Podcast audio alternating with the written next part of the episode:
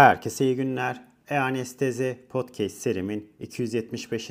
ile yine karşınızdayım. Bugün inhalasyon anesteziklerinin solunum sistemi üzerine olan etkilerine devam ediyoruz. Hazırsanız haydi başlayalım.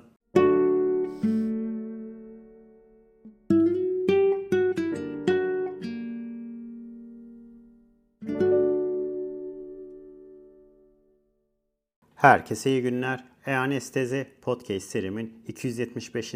ile yine karşınızdayım. Bugün inhalasyon anesteziklerinin solunum sistemi üzerine olan etkilerine devam ediyoruz. Solunum sisteminin kontrolünde bugün periferal girişlerin entegrasyonuna bakacağız. Periferden gelen afferent uyarılar beyin sapında solunum merkezine ulaşıyor ve solunum dürtüsünü etkiliyor. Bu uyarılar karotit cisim kemoreseptörlerini akciğerlerden ve hava yollarından gelen vagal uyarıları ve pulmoner baroreseptör uyarılarını içermektedir. Karotit cisim ana periferik kemoreseptörüdür. Hipoksi ve hiperkapniyi algılıyor. Bu da sonuç olarak karotis sinir deşarjını artırıyor. Bu bilgiler daha sonra rostral, ventrolateral medulla, parasempatik nöronları da hedef alan ve bu sayede sempatik sinir aktivitesini artırıyor. Ve bu da Nucleus tractus solitarius'taki glutamerjik nöronlar aracılığıyla rafe kesesine ulaşıyor. Kemoreseptörler aynı zamanda presempatik nöronları ve kardiyo ventrikulo nöronları ve kardiyo VPN'yi bu ne yapıyor? RPG'den gelen uyarılar aracılığıyla dolaylı olarak düzenlemiş oluyor. Esansiyel hipertansiyonda, uyku apne sendromunda ve konjektif kalp yetmezliğinde kronik olarak artan karotit cisim afferent aktivitesini artıran santral sinir sistemi aktiviteyi katkı sağlıyor. Fakat solunum değişmeden kalmaktadır veya periyodik hale gelmektedir. Karotit cisim işlevi yaklaşık 80 yıl önce keşfedilmiştir ve uzun süre karotit cisim kemoreseptörlerinin santral kemoreseptörlerden bağımsız işlev gördüğü düşünülmüştür. Ancak daha güncel çalışmalar periferik ve santral kemoreseptörlerin fonksiyonel olarak ayrı değil birbirine bağımlı olduğu ortaya konulmuştur. Medüller kemoreseptörlerin sensivitesi periferik kemoreseptörlerden ve muhtemelen solunumla ilgili diğer refleks afferentlerden gelen uyarılarla ciddi bir şekilde belirlenmektedir. Ve bu etki nukleus Tractus solitariyi içindeki etkileşimler veya Nucleus tractus solitariyi projeksiyonları aracılığıyla parafasiyel solunum grubuna veya diğer entegre ederek nöronlara veya rafe ponto medüller solunum ağının nöronlarına projeksiyonlar yoluyla aracılık edebilmektedir. Akciğerlerden veya hava yollarından gelen afferent vagal uyarılar da Nucleus tractus solitarius aracılığıyla iletiliyor. Pulmoner baroreseptör uyarıları medüller solunum kolunun çeşitli bölümlerine hem eksitatör hem de inhibitör uyarı sağlayabiliyor. Nucleus tractus solitarius'taki ikinci sıra pompa nöronlarına projekte olmaktadır. Genel olarak pulmoner baroreseptör uyarıları fazın inspirasyondan ekspirasyona geçişini kolaylaştırıyor. Bu vagal ekspiratör kolaylaştırıcı refleks yani Herring-Bering refleksi gelişmemiş memelilerde en belirgindir. Ancak aynı zamanda yetişkin insanlarda istirahat ventilasyonu sırasında da solunum fazı zamanla modüle etmektedir. Her ne kadar bu uyarıların bazıları doğrudan santral paten jeneratörlerini etkilese de diğerleri omurilikteki motor nöronlara yansıyan bulbospinal veya premotor nöronlar düzeyinde entegre olmaktadır. Diğer başlığımız ise solunumun motor output'u ve üst hava yolu açıklığına bakacağız. Pontomedüller solunum ağı solunum paternlerini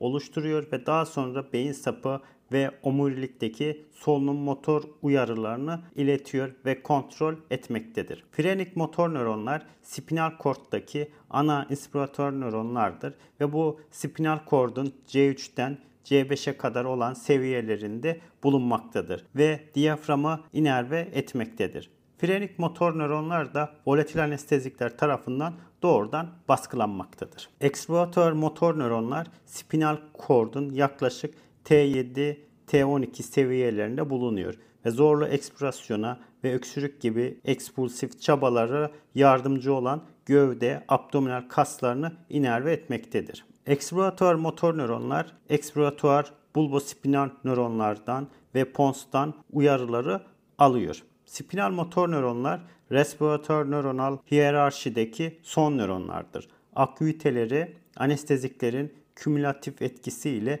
kemoresepsiyon ve nörotransmisyonun önceki tüm basamaklarında azalma eğilimindedir. Efektif ventilasyonu sağlamak için inspiratör kas akütesi hava yolu açıklığını sağlayan üst hava yolu kasları ile yakından koordine edilmelidir. Santral respiratör motor uyarılar hemen hemen aynı anda hem frenik motor nöronları hem de hipoglossal motor nöronları yani faringeal kasları genişletici uyarıları çalıştırıyor. Hipoglossal motor sinir üst hava yolu kaslarını özellikle genioglossal kası inerve etmektedir. Hipoglossal motor nöronlara yönelik eksitatör ve inhibitör dürtünün gücü büyük ölçüde bilinç düzeyine bağlıdır ve bu REM ve non-REM uyku fazları arasında farklılık göstermektedir. Uyku durumunun ortaya çıkması dilatör üst solunum yolu kaslarının azalmış tonik aktivasyonu ile sonuçlanmaktadır ve kollabol olasılığını artırıyor. Bu etki uyku apne sendromu olan daha dar ve uzun hava yolu olan kollebe olmaya, uyku apne sendromun olmayanlara göre daha yakın olan hastalarda özellikle problem teşkil etmektedir. Uyku apne sendromlu hastalarda uyanıklık sırasında açıklığın korunması önemli ölçüde hava yolu dilatör kaslarının kompansatör aktivasyonuna dayanmaktadır. Uyku sırasında sırt üstü yatan, obez, yatan hastalarda azalmış akciğer volümleri trakea üzerindeki kaudal traksiyonu da azaltarak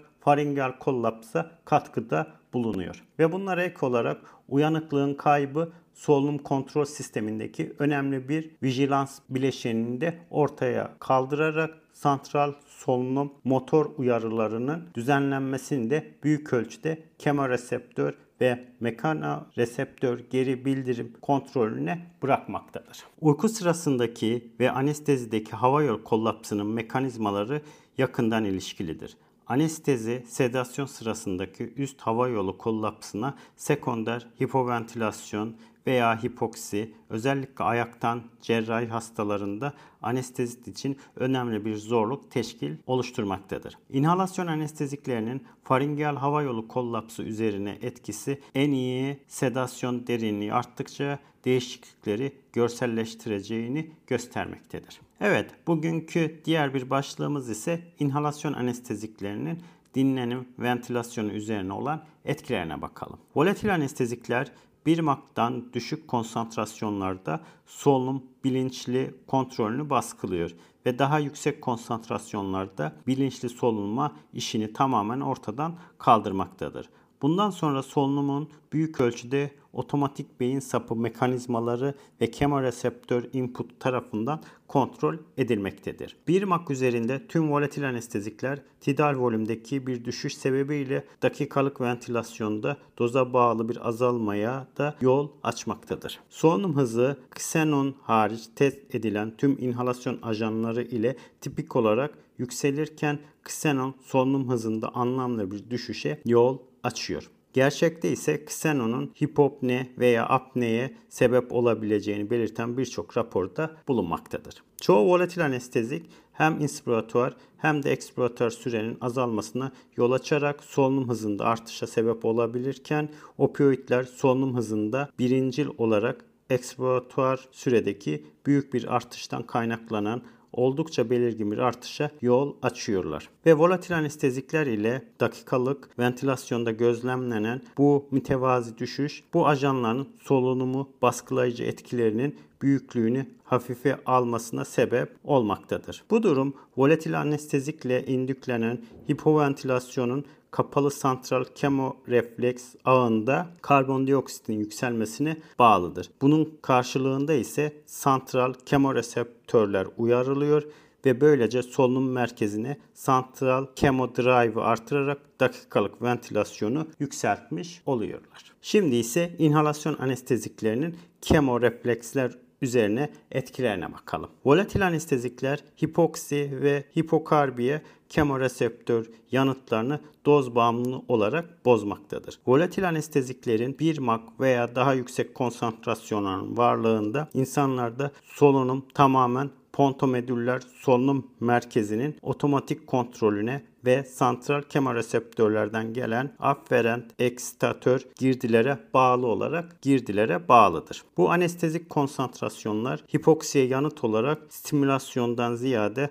daha fazla solunum depresyonu ile periferik kemorefleks ağının tam bir depresyonuna yol açmaktadırlar. Ajanın oldukça düşük konsantrasyonlarında dahi periferik kemorefleks ağı santral kemorefleks ağı etkilenmeden baskılanmaktadır. Ve buradaki aynı makta desfloran periferik ve santral karbondioksit duyarlılığı üzerinde hiçbir etkisi gösterilmemiştir. Bu sürece spinal kort düzeyinde nörotransmisyonun diferansiyel depresyonu kadar üst solunum yolu kas tonusu ve fonksiyon kaybı da eşlik etmektedir. İnhalasyon anesteziklerinin solunum dürtüsü üzerine etkisi kontrollü ventilasyon altındaki hastalarda klinik olarak anlamlı olmayabilir. Ancak spontan soluyan hastalarda bu önemli hale gelmektedir. İnhalasyon anesteziklerinin solunum dürtüsü üzerine baskılayıcı etkisi narkotiklerle sinerjistik olduğundan